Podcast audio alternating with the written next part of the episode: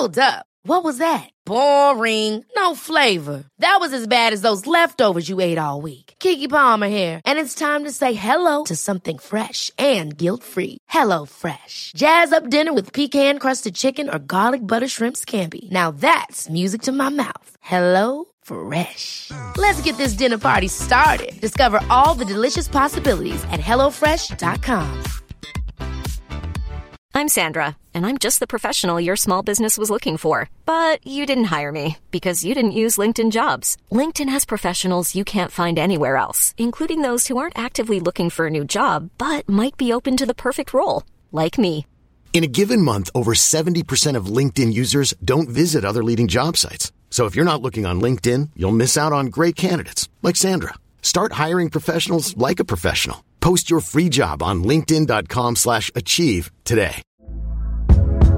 Hey there, it's Michelle Norris. I'm host of a podcast called Your Mama's Kitchen. When I travel, I'm usually looking for a way to find a taste of home when I'm not at home. And one of the things I love to do when I am at home is entertain. And Airbnb allows me to do that. When I was in California recently, I rented a house that had a great kitchen. And when we were sitting around the table, we we're all thinking, we're in someone else's house. Someone could be in all of our homes as well.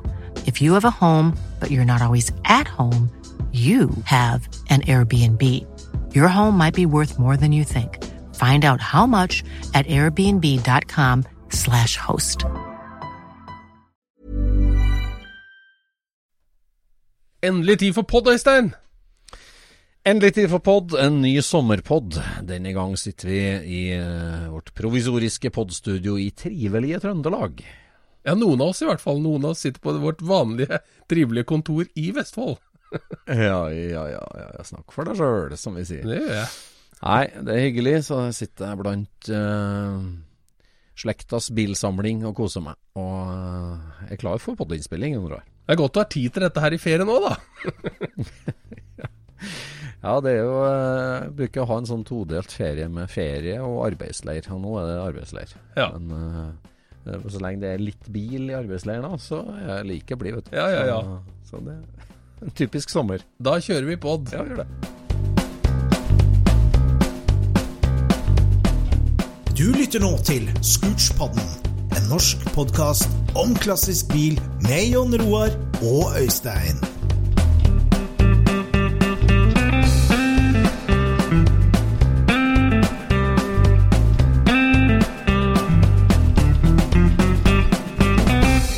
Yes, kjære lytter, hvor hen du er i eh, Norges land, for de fleste er vel i Norge. Det er klart for en ny episode av Scootspodden. Og i dagens episode så har vi tenkt å snakke litt om uh, hva er det som Altså hvorfor er historien til en bil så viktig? Ja. Og så har vi tenkt å snakke litt om uh, The Mason-Dixon Line i bilhobbyen. Hvorfor er det ei kløft i noen bilmiljø mellom det ene og den andre versjonen av f.eks. samme bilmerke? Ja. Så har vi tenkt å snakke litt om elbiler. Kan det bli samlebiler til syvende og sist? Er, er, det, er det noen som bryr seg om gamle elbiler, egentlig? Hmm. Kommer folk til å bry seg om gamle elbiler? ja. Ja. Det får vi se. Skulle ikke. Ja. Men først, hvordan står det til i Sandefjord? John Her er det bra. Nå har det vært en uke med regn. Og da har vi jo endelig kunnet gjøre litt bilprosjekter igjen. Ja, det er jo hyggelig, for da går det ikke an å pannelere eller grave kloakk eller planere gårdsplass. Nei, det går ikke. Så da måtte vi jo liksom da begynne å nøste i hvor er vi hen i bilverden. Ja, det var det.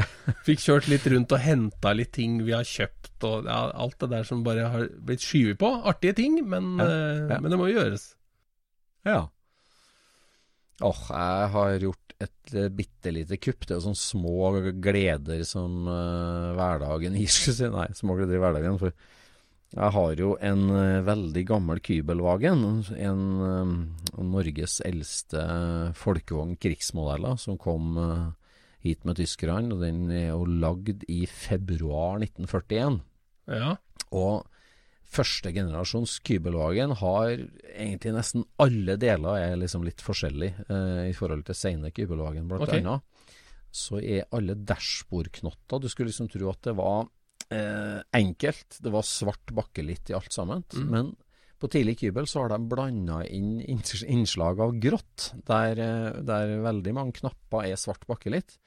Så har de valgt å kjøre startknappen i svartbakkelitt ring, men gråfarga. En slags Det må jo være en bakkelittversjon.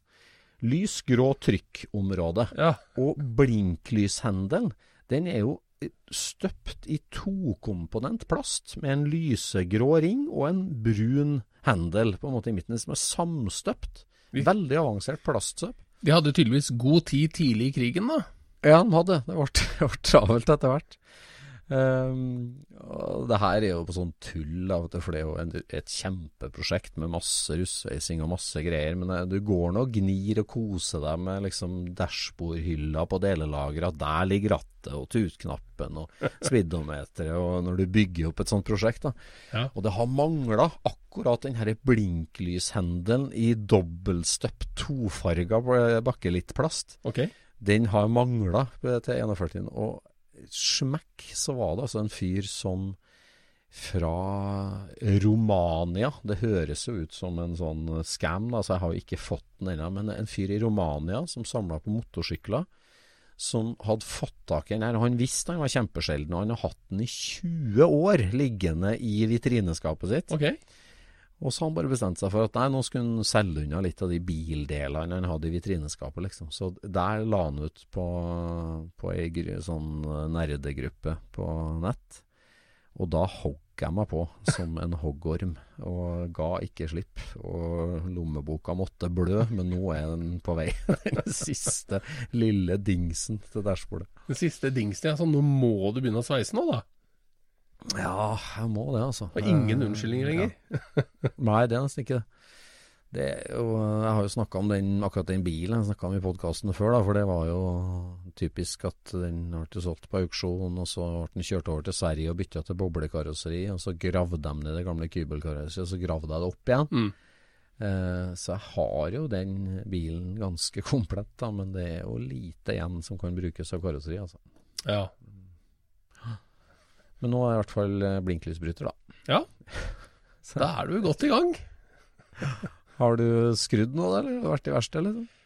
Eh, jeg har vært og tatt av dekka av de tolvtoms jappfelgene. Det har jeg gjort. Ja, du har fått den. Og så begynte jeg kontrollmålet på de toppa jeg hadde fått maskinert, og de var jo ikke like. Så da var det jo å levere de igjen, da. Så nå sitter vi og venter på nytt. Nei. Jo da. Ja, opp til SSC-bussen, det? eller? Ja. Ja. Uff, Så Det var maskinert ulikt. eh, Ja, nei, maskineringa var lik, men, men referansepunktet som var valgt, eh, stemte ikke. Så, så da ble det ikke likt eh, resultat, kan du si, da. Nei. Og vi er jo litt opptatt av å ha lik komp på begge sider. Der er vi jo litt pirkete, Ja, vi bokserfolk. Ja, men du har jo ofte en litt sånn tjukk kartleser, vet du, så kan du dra på litt Nei, det Ja. var dårlig vits. Dårlig vits. Ellers så fikk jeg noen utrolig spennende bilder på mail her. Altså det Jeg har jo et førkrigs... Jeg har jo en veldig kjærlighet for førkrigsbil òg. Det, det blir jo mindre mindre kult å hevde det, eller å si det, har jeg inntrykk av. Men, men jeg, jeg, er jo, jeg elsker jo rare førkrigsbiler, sære førkrigsbiler. Og jeg fikk altså noen utrolig spennende bilder av en fyr som eh, litt sånn distant friend, som har vært på norgesferie og vært i, i skogen. ja.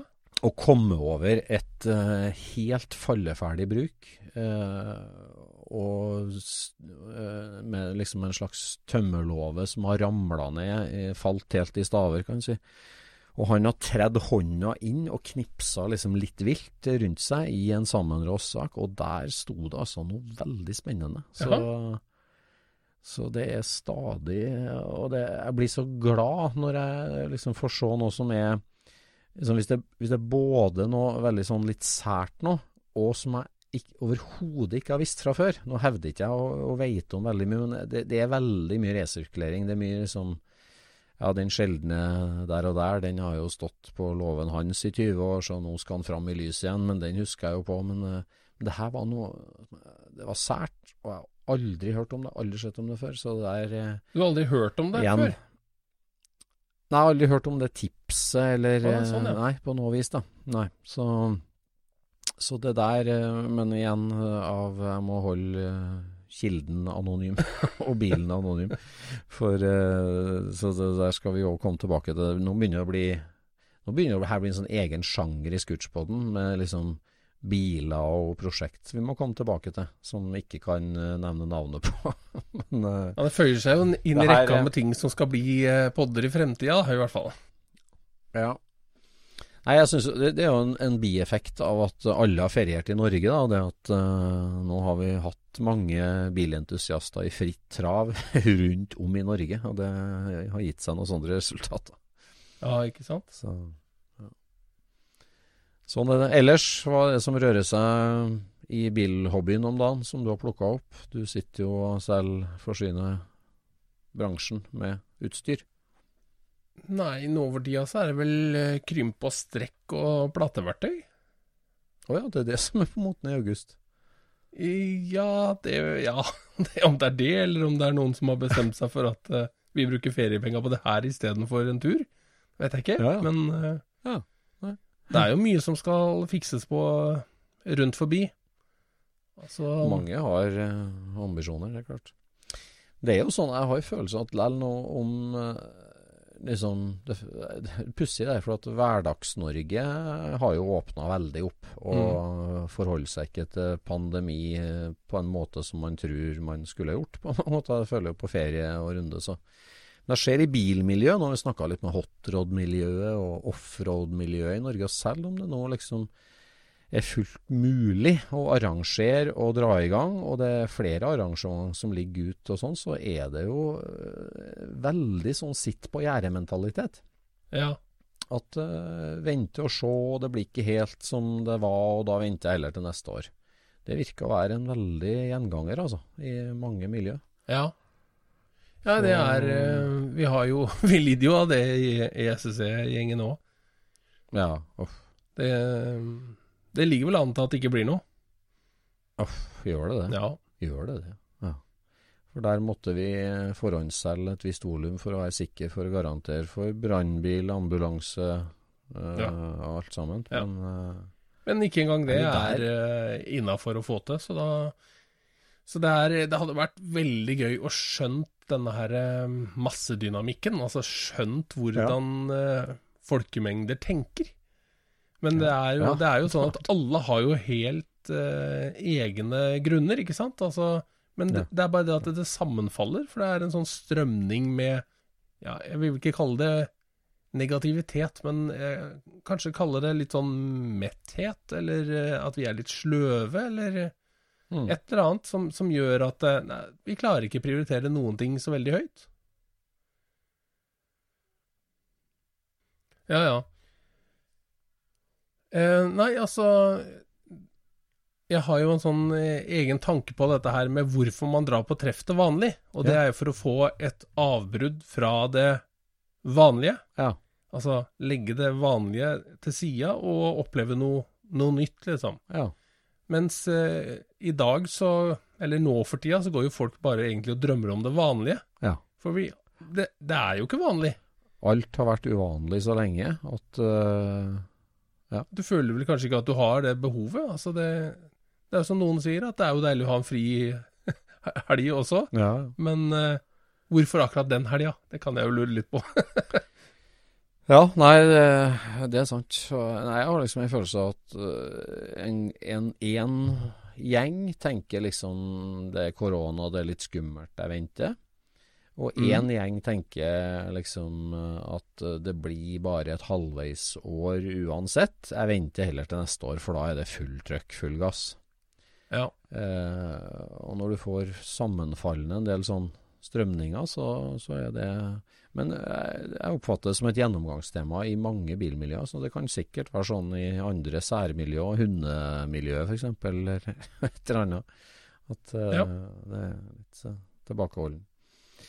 Mm. Og sånn er det. Men eh, bilhobbyen ruller på. Og jeg ser at i Tyskland så er det så sørgelig å se eh, altså etter flommen. Det er jo tragisk på alle Ja. måter og grusomt. eh, men for oss i lille bilverden, altså det de driver og drar ut av kjellere og garasjeanlegg som har vært under vann, altså biler Du så, vet du så den videoen med hele bilmuseet.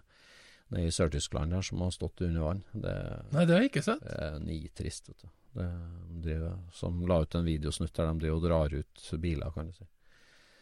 Så, Er det helt eh, kaputt, da, eller? Ja, det ser ut som det har vært i gjørmebad, da. Og klart, det her var jo mye sånn titalls, tyvetallsbiler, og så er masse Ja. treverk, ikke sant. Mm. Altså det er jo ja, masse treverk og skinn og seter og kalesjer, ikke sant. Og det sånt. Ja, det er ikke bra. Har ikke godt av de greiene der. Nei, det er ikke lett, det, altså. Det der er, altså, jeg tenker på det eh, vi, vi sier jo liksom stadig ja, prisene på gamle biler, det går jo opp, for det blir ikke noe flere av dem. liksom. Men så har du jo klart på andre enden har du litt sånn avtagende marked for en del gamle biler. da, men det er jammen meg et frafall av hobbybil òg hvert år, altså. Med brann, bensinslangebrann, eller flom, Ja. eller eh, ja, altså, eller eh, skogbrann da, i USA. Jeg vet ikke hvor mange busser jeg har sett som har vært forvridd og forbrent. Nei, ikke sant. Det, så det, det er et frafall, altså. Det, det er jo det. Ja. Og så er det sånn at hvis du drar på en skrot i dag Mm. De bilene som står på skroten, de er eh, 10-12 år gamle. Ja. Så det, det, og, og de ser helt strøkne ut. Ja. For det er jo girkasser eller motorer eller et eller annet som går i stykker, Ja. eh, som er for dyrt å bytte ut. ja, det er Så Forsikringsselskapet er vel egentlig de som sender dette her på, på skroten, Ja. mer eller mindre. Ja, det er jo EU. Og da tenker jeg bare, overlever disse bilene som vi har rundt oss i dag? Blir de noen gang veteran? mm. Det er sant. Det kan hende at noen av de gjør det, men det kan jo ikke bli noe eh, kjempeoppslutning rundt uh, Octavia, liksom. Nei. Eh, Nei, fordi det er jo så få igjen. Der har du et rart paradoks. da, for da kan du si at uh, I dag så selges det jo Det har jo snakket, vært inne på poden før, at det selges nybiler som er entusiastbiler. uh, right off the floor. Altså mange Porscher, f.eks., som et eksempel. Eller Ja. fine Mercedeser. Som, Mm. som er entusiastbil fra dag én, og vil jo forbli på entusiasthender, og mest sannsynlig kanskje aldri havne på en skrot, sånn egentlig. Nei. Nei. Eh, mens eh, hvis du går tilbake til 50-60-tallet, så var jo det veldig, en veldig smal del av bilmarkedet. Stort sett så var jo det bruksbiler og slitere. Ja. Eh, Ja. Og når du ser nå tilbake, da, så altså, se på interessen rundt de gamle sliterne, Eskort, Ascona øh, og de Mm. her, så er det jo Mm. det store markedet og de gir veldig brei entusiasme rundt de mest vanlige eh, bruksbilene, egentlig. For det er dem du husker, Ja. dem du har et forhold til. Og som du Ja. sier, da, hvordan blir det med alt som går på skroten i dag? For det er, det er jo de vanlige kjedelige som går på skroten, og, og de spesielle særbilene, de blir jo bevart, liksom. Så. Ja. Men du tenkte at siden det var så mange av de særbilene, så, så ville det være en del igjen likevel, da? Nei, jeg tenker jo det at når, eh, når liksom entusiastmarkedet blomstrer for en bilmodell, da, så, så, mm. så vil det kanskje være eh, mange ent, altså Entusiastbilene er på entusiasthender og vil holde en ganske litt sånn flat tilhengerskare, flat tilhengerkurve, kanskje. Mm. Og, mens at den store, når du liksom virkelig våkner opp Fy søren, jeg husker min første bil, den Mazda 626-en, den ville jeg hatt tilbake. Den var lilla og hatchback og firedørs, og den må jeg ha tilbake. Og den finnes jo ikke. Nei. Nei, jeg vet ikke, men, men eh, jeg ser det at folk tenker at eh, elbil, det blir sånn som mobiltelefoner, bruk og kast. Ja, det Jeg skjønner ikke helt hvorfor veldig mange hevder, og det er jo veldig mange i bilhobbymiljøer som tenker sånn at ja, Det er veldig ofte at det blir sagt at det, ja, de moderne bilene er så mye duppeditter. mm. Det er så veldig mange duppeditter og ting og tang. Mm. Så tenker jeg liksom I en eh, Tesla Model 3 Mm. så er det én datamaskin. Ja. I en, I en vanlig bensin- eller dieselbil i dag så er det vel sikkert eh, 30 Mm. Mm. som gjør mange forskjellige små ting, og de er utvikla av eh, Bosch, og de er utvikla av ja, altså, alle verdens eh, Mm. leverandører da, av småsystemer. Mm. Tenk å vedlikeholde det mot å vedlikeholde én datamaskin. Mm.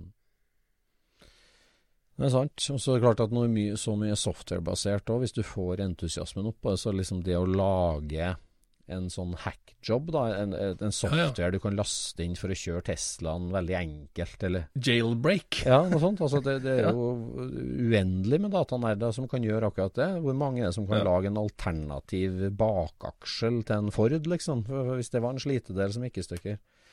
Ja. Så Nei, jeg tror faktisk at de At eh, selve elbilen er veldig mye lettere å vedlikeholde. mm.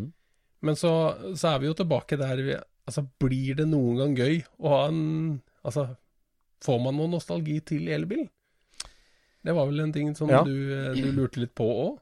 Ja, altså jeg tenker jo det Altså, jeg tenker jo det at uh, Altså jeg synes at vi tenker altså, Mange tenker altfor sånn sort-hvitt på det, egentlig. At, det, at elbil er Mm. noe helt annet. Liksom, det var da vi gikk fra skrivemaskin til PC, på en måte. Ingen bryr seg om skrivemaskiner lenger. Men, men det er jo en evolusjon. Altså, man har testa ut liksom dieselbil og V8-er og 4-er og mange motorvarianter og sånn. Og liksom en evolusjon der er jo at ok, elmotoren og batteri det, men altså det er et paradigmeskifte, det er klart det er det, i, mm. i teknologi og bil. Men altså det er jo bil, det er jo mobilitet, det er fire hjul, ratt, pedaler, du sitter og kjører. Det, det, det, gir jo den samme reisa og funksjonen på en måte da for folk. Og det er også fortsatt en, en dyr og stor ting som står i garasjen din, som gir mobilitet, kan du si. Så, så eh, jeg, jeg syns det blir feil å tenke på det som en sånn fullstendig kløft. At liksom det går, går ikke an å bli interessert i det. Og jeg, tenker jo nå at når når, altså jeg, jeg jobba jo med Think og elbilisme, og, og da, var vi, da var vi sær og liten og rar og litt sånn mobba tidlig. Men nå er jo elbilisme massebilisme. Alle har et forhold til elbil. og altså sånn, For første gang kanskje så er altså at, at at eh, bar, barnet ditt har et forhold til om pappa kjører elbil eller bensinbil. Det, altså, når du, hvis du var et bilinteressert barn, så visste du at faren din kjørte Ford Escort og ikke Opel Ascona, selvfølgelig. Men, men var, du, eh, var du et vanlig barn som ikke så, var så veldig bilinteressert, så visste du ikke det. Vi hadde bil, ferdig. Nei. Men nå vet Ja. jo det. Altså, altså, du har liksom en slags bevissthet rundt biler. og jeg tenker jo at når du når, eh, jeg, tenker at eh, de, de tidlige elbilene må bli veldig interessante. da. Sånn som jeg har jo eh, gått og håpa på at Tesla Roadsteren skulle liksom komme en ordentlig dipp 20 år etter den var ny og at den ble billig-billig. Men det har jo aldri skjedd. Og Nei, hva koster en sånn, da? Ja, nei, nå blir jeg svar skyldig. Jeg har ikke fulgt med de siste åra. Bare konstatert at han, han gikk Han falt sånn slakt nedover, og så har han bare steget og fortsatt å stige, egentlig. Ja, ja ok. Og, Ja. og det er jo litt sånn skjer jo litt i Think-miljøet. Den første generasjons Think som ble lagd eh, 1000 stykker av, og som eh, som flere bilentusiaster har liksom sikra seg et eksemplar av. De har jo vært på vrakpant ikke sant, i mange år og, Ja. i pris. Og klart, okay, den er norsk, den er sær, den er pionerprodukt i, i en, en som da var en nisje, som nå er et massemarked. Og liksom det å Ja, det blir jo som, som slektsforskning. Du begynner å tenke på hvor kommer jeg fra, og hvor kommer elbilen fra? Hvordan så de første elbilene ut? Ja, ja. Så, altså, nå skal ikke vi hoppe 100 år tilbake og snakke om, om bestemor Duck-elbilene, men, men Nei, de første i det, det nye skiftet, da, kaller det det. Jeg tenker at uh, det er ingen grunn til at de skal ha noe mindre interessant, i hvert fall bilhistorisk. Uh, jeg tror jo egentlig heller mer. når jeg Ja, for det som, det som slår deg når du, når du kjører en elbil, er at uh, de har noen innebygde egenskaper som gjør at den er ganske morsom å kjøre. Ja. For, for det første så, så går det ganske godt, og du har lavt tyngdepunkt. Mm. Det gjør en del med hvordan det føles å kjøre den rundt en sving. liksom. Den har litt sånn gokart-egenskaper innebygd. Det er jo det er en glimrende presisering. Det er, at, altså, det er jo noe med Det er jo samme som når motortrimminga plutselig ramla inn på turboen. Så liksom bare Ja. Shit. Kjempeenkelt. Billig Ja, ja. i hermetegn og gir masse effekt, Ja. liksom. Det, det er bare nostalgikere som ser på noe annet. Og det, sånn har det jo blitt. Mm. Det er nostalgikere som ser på kompressorer og varianter, egentlig. Det, altså, det er klart det finnes eksempel på det, men Men plutselig så kommer det en ting som bare sånn Ja, det her er jo best, så selvfølgelig fortsetter vi med det. Og sånn er det jo med elmotoren i bil òg, ikke sant. Maks dremoment fra null, knøttliten sak, veldig lite moving parts, superenergieffektivt. Så er det sånn Ja. det er, det er en glimrende ja, ting til bil. Sånn. Men altså, dette her blir så fort Eller, det blir ikke fort. Det blir alltid følelser. Med en eneste gang disse temaene kommer opp, så er det følelser med en eneste gang. ja, det det. Og det er liksom Det lukter ikke bensin. Nei. Det lukter ikke olje. Nei. Det har ikke Det er ikke noe lyd. Og Mhm. det er én ting med det her med lyd som jeg ofte har som eksempel når folk sier dette med lyd. Mm. Og det er at falsk lyd, Mm. det er det ingen som syns er tøft. Nei.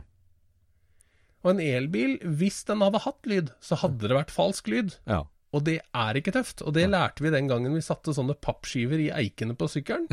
Det var kjempegøy i en time, Ja. og så tok dere de av og satte det aldri på igjen. Ja, ja. Hadde det vært tøft, Mm. så hadde vi gjort det hele tida. Mm. Mm. Men det gjør vi ikke, fordi at det, det er bare surr. og som, som jeg liksom sa til en her en dag, at eh, em, det eneste som er dummere enn, å, enn en, en rask elbil med falsk motorlyd, Ja. det er å kjøre en vanlig bil som er sein, men har mye lyd. Ja, ja. ja altså en For det er flaut. Ja, det er flaut. En frieksos det er kjempegøy på SSC når stingerboblene kjører om kapp med hverandre. Ja. Men når den som bråker mest, blir frakjørt med fire billengder på første sekundet når du kjører mot en turbobil, Ja. da blir det sånn Da er det litt teit at den bråker så mye. For den, altså, hvorfor må den bråke så mye og gjøre så lite? ja. Nei, det er helt sant. Det er helt sant. Det, det Men det er jo interessant, for at det, Jeg kaller det jo for Jeg sammenligner med det her Pavlos hunder, liksom. Ja. At vi er så fokusert på at lyd er akselerasjon. Ja. Ja, det er det. At vi glemmer at det er akselerasjon som er akselerasjon. Ja. Det glemmer vi totalt. Ja, ja. Det er liksom Ja, eh, Det er helt sant. Hører du en skikkelig launch i gata på rødlyset, så, så snur du deg tvert. Og det, det er farten og akselerasjonen du er opptatt av, ikke lyden. egentlig. Men lyden indikerer at nå skjer det. Ja, ja, ja. Det er akkurat det. så det Altså, det, er liksom Vi blir gira av lyden fordi vi vet at det representerer fart. Ja. Men hvis du snur deg rundt og hører en rivstart, og så ser du bilen kjøre forbi deg i første gir på 8000 omdreininger, så tenker du liksom Hva var det der for noe, liksom? Ja. Men det med følelser, det er jo liksom Det er vi jo vant til i bilhobbyen til gangs. Altså Amcar og europeisk bil f.eks. For, for 30 år siden. Eh, altså sånn, det var jo Det var jo kjempekløft. Ikke sant? Amcar-folk lo jo av en uh, Opel Kadett. Høylytt. Og altså, hvor mange sånne dusteklistremerker med en guttunge som tisser på Ford-emblemet eller tisser på Chevrolet-emblemet har sett, liksom. Det er jo religion. Altså, det er religion, mye av det der. Ja. Så, så, men, og den derre kløfta på en måte bensinbil, eh, fossilbil, elbil, er, det har blitt en sånn slags greie, men men da har du blanda inn hele sånn miljøverneraspektet, og ikke og hele vindkraftdebatten i, også i den følelsesgreia der. Sånn at liksom, det, er, ja, ja. det har bare blitt ei svær kløft, da. Eh, Du kan si at det blåser litt der. ja, Det er, eh, de er ikke Altså, de som er mot elbil, de er ikke det minste for. Nei, nei, det er viktig. det. Nei, min det, men det eh, er jo, dette her er jo en, dette er jo en, en bilpod. Og jeg mener at folk som er interessert i bil, de må vite hva de prater om når de prater om bil. mm, jeg blir ordentlig flau når folk er bilentusiast og ikke veit faktum, liksom. De vet ikke hvordan det fungerer, de vet ikke hvordan det er. Du står og snakker tull, og så er du faktisk bilpersonen. mm, Altså, jeg, jeg går jo ikke rundt og sier til folk at vankel er en type stempelmotor. Nei. For om ikke jeg vet mye om vankel, så vet jeg nok til å, Ja. til å liksom vite basisen der. mm. Ja, det, det må du vite. Det er jeg helt enig med. Jeg syns det er så rart. Jeg synes det er rart at det, Nei, det her er jo noe helt annet, da. Eh, så siden det ikke er motor i hele tatt, så er jeg helt ute av det. Mm. Så derfor så har jeg lyst Derfor gjør det ingenting at jeg står og sier ting som er reinspikka tull, når du argumenterer imot. Nei, Jeg, jeg syns bare Jeg syns rett og slett det er flaut at bilfolk ikke veit hva en elbil er. Mm. Det er flaut. Jeg sier ikke at du skal kjøre det. Nei. Jeg sier ikke Nei, at du jo like ikke- det, men vit Ja. hva det er. Ja. Liksom. Nei, det, det er viktig. Vi har ikke noe agenda på at vi skal omvende folk, men vi har jo en klar agenda på at vi skal snakke faktabasert. Det, selv om sjølsagt bil er veldig mye følelser, det har vi respekt for, og det, det er vi også representanter for. Ja, sånn. og det er jo som du snakka om i, i starten der, det er vel egentlig historien til bilen som er grunnen til at vi liker den. Ja, det der har vi vært inne på før òg, og, og det er jo noe med det der at eh, Det er litt sånn to bilentusiaster. Du har en klar bataljon som er interessert i den bilens historie, og som, som, som gjør at det her er den Opel Kadetten.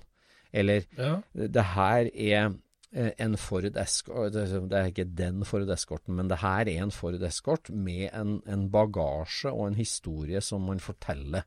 Enten Ja. gjennom slitasjemerkene eller startnummerdekalene eller eh, det, eller, eller fotoalbumet du blar i og, og veit, og du kjenner den historien. Ja. Det, det, altså gleden over å bli kjent med din egen bil, da. Dykke ned i den historien og altså, Kanskje har du kjøpt den nettopp fordi at du visste om en historie, eller du husker noe sånt, sånt men, Ja, men kanskje har du bare ramla over den, og så har du seinere gravd fram det, og det gjør den til noe helt spesielt. Det gjør at Og min teori er vel egentlig det at det gir det herre døde objektet en personlighet. Ja. Og, og, og vi er folk, vi er flokkdyr, og vi, vi, vi tiltrekkes av personligheter, og vi liker Ja. noen personligheter bedre enn andre, liksom. ja, ja, ja. Og, og det, det er nok den pakka som gjør altså Det er jo liksom eh, kjempeskummelt å begynne å snakke om at en bil har følelser, men en bil eh, reflekterer jo følelser. Det har vi jo snakka om før. Ja, et Ja. slags speil. Og så har du jo den andre, en annen del av bilhobbyen som, som eh, ikke ser på historien. Og du har jo en del bil Altså du har jo nye entusiastbiler som ennå ikke har noen historie eh, å fortelle heller, da. Og, og der det er formen og stålet og blekket og objektet i seg sjøl som, som er Som vekker entusiasmen, da. Og det er, Ja, ja, så der, der er det vel bare sånn at eh, Altså, alle biler har jo en historie. Ja, ja. Men det kan jo ikke være mer enn 30% av de som har en interessant historie. Nei, det er sant. Så det, mange av de er jo bare Dette her er en Volvo 240 som har gått i Siljan hele sitt liv, Ja. liksom. Ja. Og det, og det er jo ikke noe som du kan stå og fronte på Oslo Motorshow, liksom. At eh, det, altså, men, men du kan si den kan jo ha en sjel. Den kan ha klistremerker fra eh, Søndre Vestfold campingklubb, og den kan ha det, sånn spoiler på taket, liksom. Men, eh, men uh, jeg bare tenker at de menneskene som bare har den er festa ved Jeg elsker Volvo 245, liksom. Mm, mm. Uh, og jeg vil ha en som er som Jeg husker den følelsen når vi var og henta ny Volvo Mm. hos Volvo-forhandleren. Mm. Og den følelsen vil jeg ha igjen. Mm. Ikke sant? Ja. De tar jo bare en Volvo 245 og shiner den opp maksimalt. Mm. For de har jo ikke lyst til å være belemra med ferieminnene til noen annen. Nei, nei. nei. Ikke sant? De vil jo ha Mm. Jeg skal ha den nybilsfølelsen. Mm. Og det kan jeg jo respektere, men ikke ta en superinteressant bil og gjøre om til Viske ut all historie, liksom. Det syns jeg er Det er litt sånn meningsløst, da. Men ta en delebil. Mm. altså, det, er, det står jo delebiler overalt, og de er jo De er jo dessverre litt sånn utsletta. Ja. Nei, altså det der er jo Ja, altså, det, det, det, det er jo historien du skaper med bilen din òg. Det er klart at eh, om du kjøper deg en splitter ny Porsche og, og tar den på roadtrip og kjører den på Arctic Circle og, og, og bygger din egen historie, så er det, blir det en følgesvenn eh, og, en, Ja, ja. eh, og noe du har et forhold til. Ja, du lager din egen historie med bilen. Ja, og det tenker jeg sånn som jeg har jo den der ene Rommertsen min, den kabrioleten, og den er jo Jeg har jo forgjeves bora i mange, mange år og prøvd å finne ut hva er dens historie fra 1956 fram til 1990 omtrent. Når den da Mhm. dukker opp som et krasja, solbrent vrak bak en låve i eh, Dallas, Texas. Og eh, det, det, jeg, jeg greier ikke å få hørt på den bilen. Jeg greier ikke å finne ut eh, hvordan den har levd fram til da. Eh, men fra 1990, og det er klart at da Så, så liksom hele dens historie som en spesiell ny bil, eh, den er ukjent eh, for meg, og jeg ikke redd å finne ut det. Men det er klart, fra 1990, når den da blir oppdaga av en entusiast, tatt vare på gjennom et par entusiasthender, og så min, mitt liv men da, 20 år med drømming, delesanking, eh, rustsveising, banking, restaurering, så er jo det er jo den historien som knytter meg veldig sterkt til den. Eh, og, og ikke det jeg veit om dens det, opprinnelige historie, da, i hermetegn. Nei, for at den historien blir jo til mens vi går hele tida. Ja, Det er litt sånn den derre jordebobla som jeg bare arva av en onkel, og så, og så begynner jeg å herje med den og kjøre litt her og der og stiller opp noen forskjellige ting, og plutselig så sier folk du må ikke forandre på den bilen. Mm. Sånn, hvorfor ikke det? altså, den har jo ikke noe historie, altså, ja. men folk blir knytta til det, liksom. Bare, Ja. for det, den husker jeg han gjorde sånn og sånn, liksom.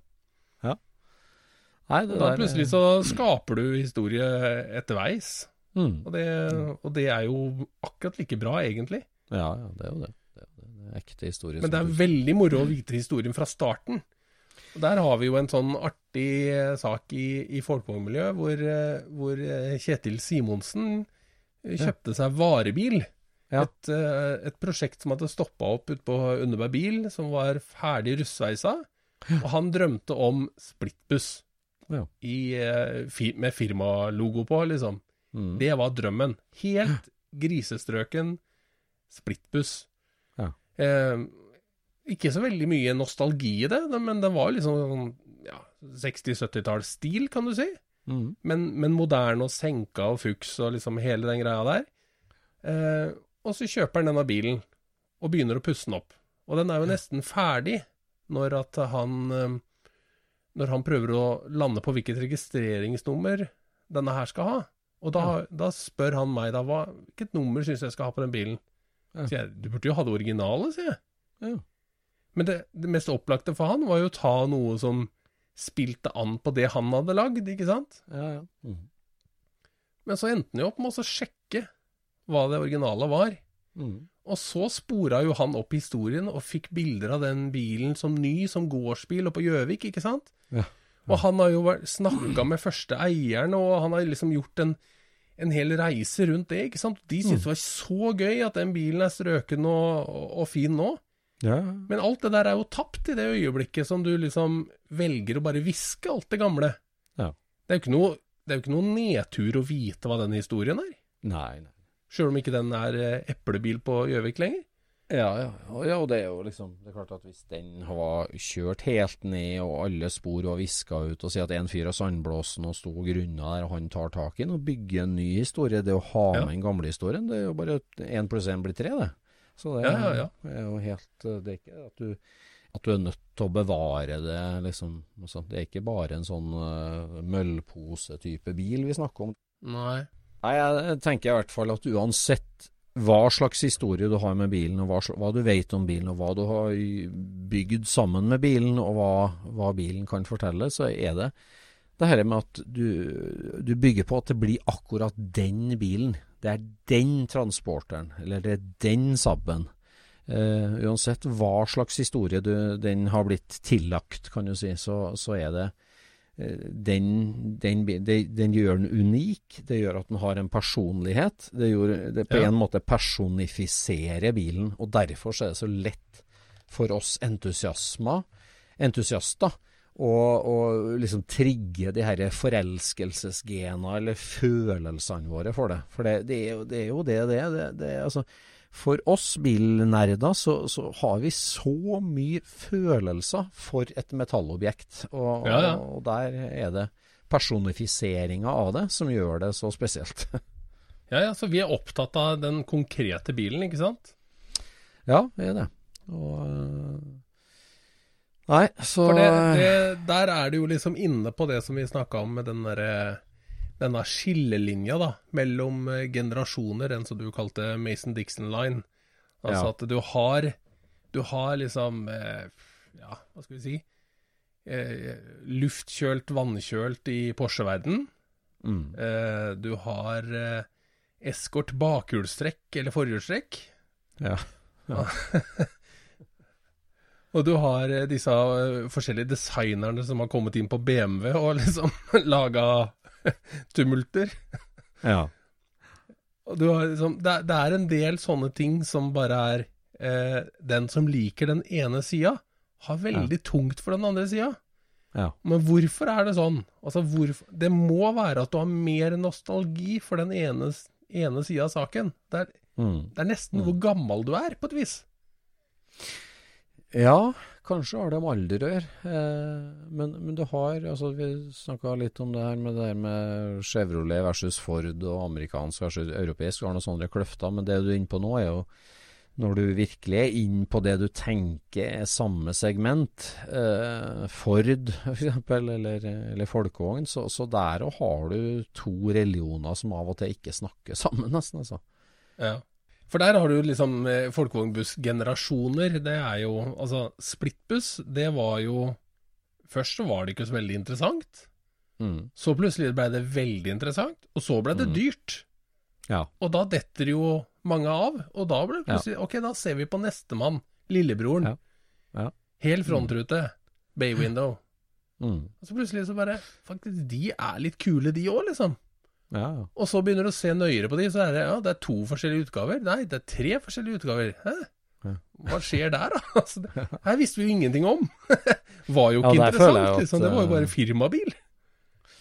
Ja, men det, Der er jo en litt sånn pussig effekt. at altså, de, dem som har følelser for folkevognbuss, der er- det, det går jo hele veien. Det går jo helt fra 50 og opp til i dag, egentlig. Mm. T1, to- T2, 3T, T4. Det, det jeg har inntrykk av at der er det altså, der er det jo øh, helt motsatt av øh, boble kontra golf, f.eks. Der er det jo ei kløft.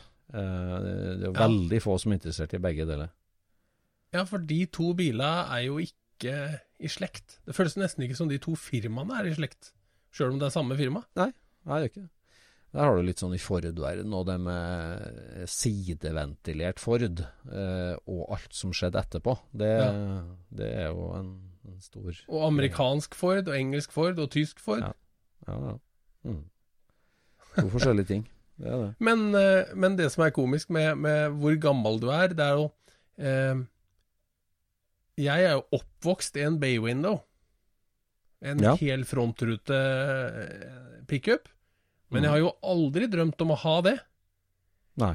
Men, men når jeg leste Folkevognblader, så så jeg jo for, eh, splittbussene, ikke sant? Og jeg huska Ja. jo de fra når jeg var liten. Men det var jo stort sett bare raringer som hadde det på 70-tallet.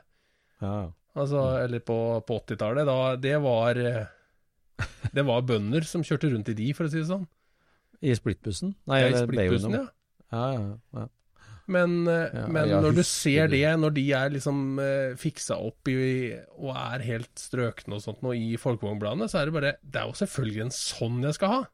ja. Og når du begynner å leite etter de, så koster de 2000 kroner, ikke sant? Det er, det er jo ikke noe grunn til at du ikke kjøper en sånn. Nei. Nei, det er noen år siden de kosta 2000. Jeg tror ikke jeg husker på splittbuss i trafikk, altså. Eh, sånn Nei, det var ikke mye av det. Nei, det var ikke mye av Det det. er en sjelden gang, det. Ja.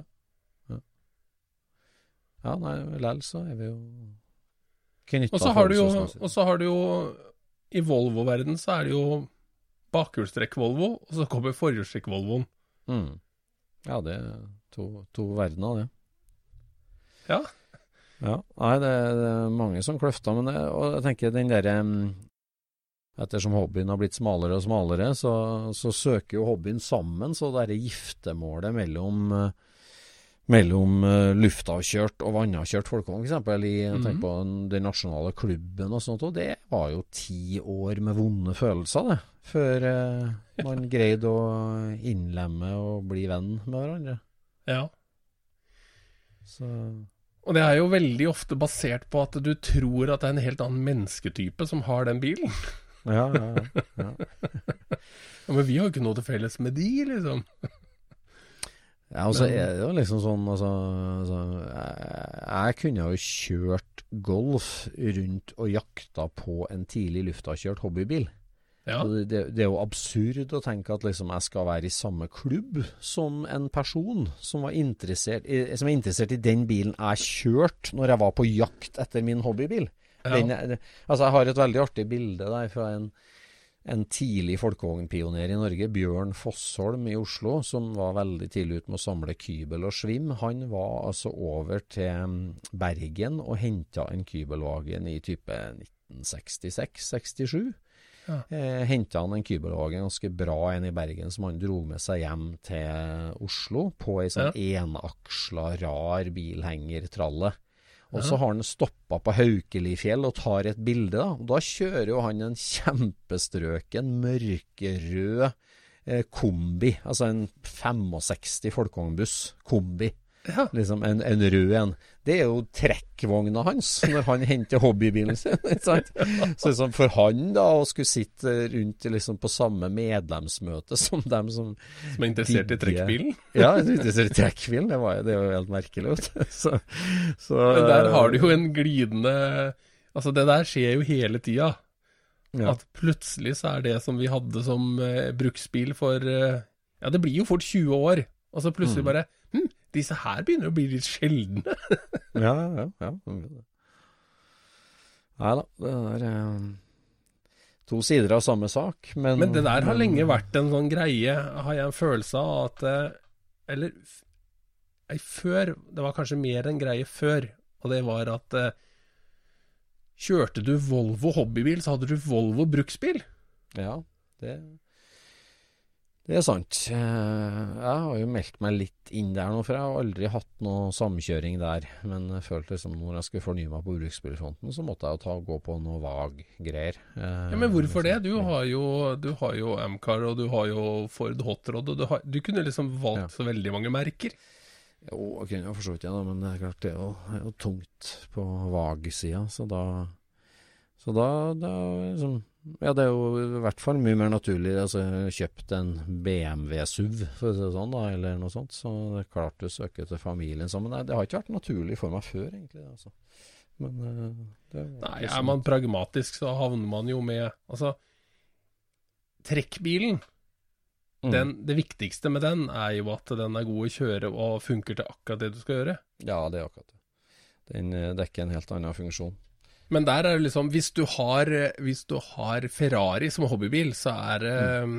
Har det vært vanskelig å ha det som bruksbil og. Ja. trekkbil. Du får noen naturlige konsekvenser der, ja. Det gjør du. Men det begynner jo å bli det- SUV av alle bilmerker som fins. Det siste som kom her nå, var jo SUV Aston Martin. Nei. Hvis de òg. Ja. Lamborghini har kommet med SUV og Ja, Ja. akkurat. Ja. Da Men varebilen, den er det lenge til Ferrari lager, tror jeg. Det er lenge til. Ja. Nei, der har du Jeg så akkurat en sånn testvideo. De ble jo testa nede i Sveits, den der Lamborghini Det vil si XR34? Nei, hva heter, hva heter den Lamborghini-SUV-en? Den første tidlige Den eh, Og den, Åh, eh, den den- uh, heter Første prototypen heter vel Cheetah. Ja. Den heter vel LM002?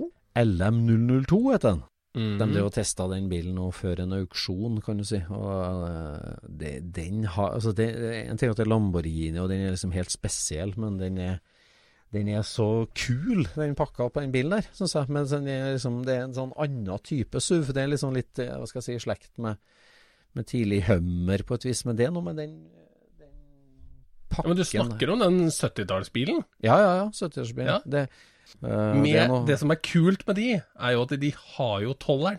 ja, De har jo Lamborghini-tolleren. ja, Det er jo helt genialt! Ja, det er genialt. Nei, det, det, det, det, den har noe sånn veldig 70-tallsk over seg. Altså, det er en sånn pakke som er en sånn offroad-sak, mer enn SUV. eh, Men så er det liksom en personbil. Den er Ja. Nei, en sånn Jeg husker jo den fra Tamia-verden òg, ikke sant. Den Cheeta og XR Heter den ikke XR34 eller noe sånt? Den militære versjonen av den. som Tamia Tamiya har Ja, lagd. prototypen het i hvert fall Cheeta. Jeg vet Ja. ikke hva, hva, hva det Nei, det er. er en eh, det, det, altså, Tamiya hadde jo to varianter av den der. Eh, snakk om det. Jeg gjorde jo kjempekupp her om dagen. vet du. Fikk tak i Jeg har noen gamle Det har jo en fot godt i modellmiljøet. Så fikk jeg en telefon fra en som drev og rydda på Eller ei som drev og rydda på loftet eh, etter faren sin. Og ja, har funnet tre-fire radiostyrte biler. Er du interessert i å kjøpe dem liksom rimelig? Og der var det altså en helt eh, komplett, perfekt eh, Porsche 935. RSR 935. For det Ja. er jo Tamiya-kit nummer én. Den aller første radiostyrte bilen Tamiya har lagd. Det, de lagde jo plastmodellsett, ikke sant? Med, med tusenvis av deler. Og så kom de da med den RSR 935-en som den aller første radiostyrte bilen, som er et eh, plastmodellbyggesett karosseri med sånn aluminiumssjassi på. Eh, og, og jeg har en sånn fra før, jeg må jo si det, men når jeg fikk tilbudet om å kjøpe en til, så slo jeg til tvert, for å si sånn, for den Hvilken størrelse bil er det her, da? 1 til 12-skala. Okay. Ok. Den har luftfylte gummisliksdekk eh, og veldig sånn litt rar eh, aluminiumsplate chassis, da. Eh, en sånn 380-motor. Så Ja. eh, Det som har, det som jeg har oppfatta som en av de grommeste Tamiya-modellene, er den derre eh, Landcruiseren. Nei, ja. mm. den heter Hilux, er det. Ja, Hilux, ja, Hilux, ja. ja, ja, med metallramme, ja. Ja, Hiluxen den er jo legendarisk. altså Den er jo bygd opp som en ordentlig bil. altså De akslingene og aluprofil ramme, og den er jo helt Det er jo en skalamodell, ikke sant? Så den Er det ikke jo- girkasse på nå, da? Jo, jo, girkasse på nå. Den er jo helt konge. Eh, den var jo kjempedyr. altså Den kosta jo på en måte tregangen av en annen Tamiya-bil. vet du. Så, Ja, det ja. så det var solgt veldig få av den. og Det er litt sånn bil som jeg og Jeg har et forhold til mange Tamiya-biler, men akkurat den eh, Jeg husker én i Trondheim som hadde en sånn, men ellers så var okay. det ikke mange som hadde. Altså. Så, Nei. Men den var laga mest for å være modell, eller? Altså, det var, den hadde ikke alle disse funksjonene for å være helt enormt bra?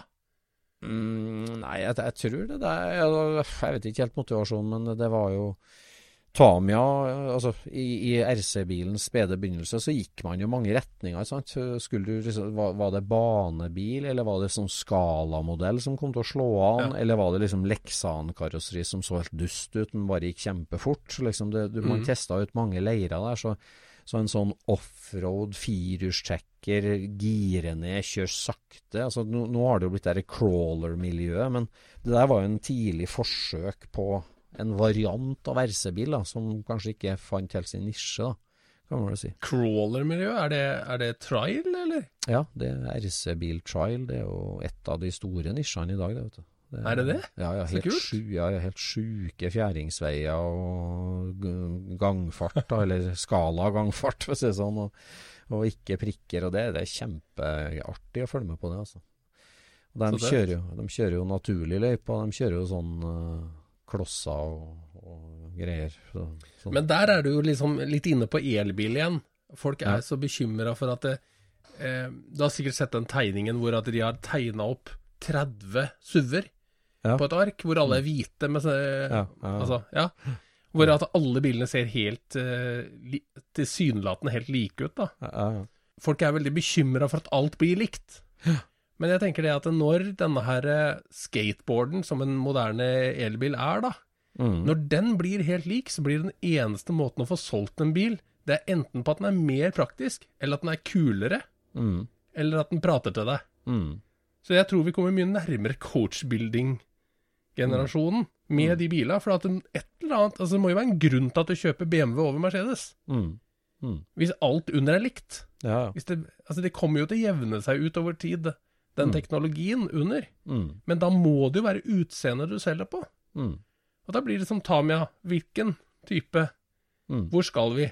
Ja, ja. Ikke sant? Mm. Så en lavserieting må jo kunne bli en greie. Mm. Ja. Ja, og med moderne produksjonsmetoder sånn, så, så kan man jo gjøre mer custom made òg. Det er jo system rundt det. Men det, sånne plansjer som det der, der alle er hvitlakkert og, og med like felger og satt opp likt og samme lys og sånn, det er liksom litt slemt, egentlig. For du kunne Det gjort det. det, med 20-tallsbiler, med 30-tallsbiler, med 50-tallsbiler òg. Hadde en 58 Cadillac og en 58 Pontiac. Du snakker ofte om 50-tallet i USA med liksom et sånt helt, helt vilt tiår, der alle merkene fornya seg 100% hvert år. Ja. Eh, men men der òg så er det liksom Det er eh, særtrekk som gjør liksom at i dette tiåret, eller nå, vil kundene ha det her.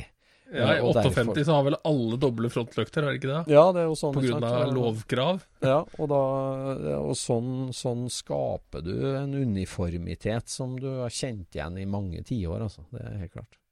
Ja. Så Så nei, jeg, jeg tror at det kan bli litt mer kreativt i, i framtida, faktisk. mm, For at du må appellere til folk. mm. Og hvis, hvis bilreklame så ut som den plansja der, så hadde jo ingen fått solgt en bil. Nei, det hadde ikke Da hadde jo folk bare kasta terning hvis, Mm. hvis du skulle velge blant de 30 bila. Det er sant. Så et eller annet må det være der som, som fenger folk. Det må det. Det er helt klart. Det er helt klart. Kanskje Ja, ja. du skal hoppe på en elektrisk sånn LM eh, 002? Ja, ja, ja. Det er jeg klart.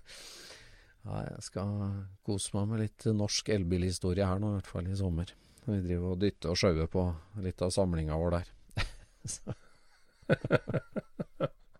Ja. Ja. Yes, den er grei. Da skal jeg ut i sumarnatta i trøndersk natur og se hva garasjen har å by på. Ja, så må du ta oss og fiske fram en, eh, en gjest som vi kan ha med neste gang. ja ja, den er vi klar. Så det ordner seg. Takk for i kveld. Veldig bra. Da snakkes vi. Ha det bra. Hei. Produseres av SSC Media, med god hjelp av VV Norge og Trond Dahl for hosting, Knut Micaelsen for musikk. Abonner på Scootchpod via podcaster eller Acast, og følg Scootspod på Instagram og se det vi snakker om. Der kan du også komme med kommentarer og innspill, og fortelle oss hva du vil høre om.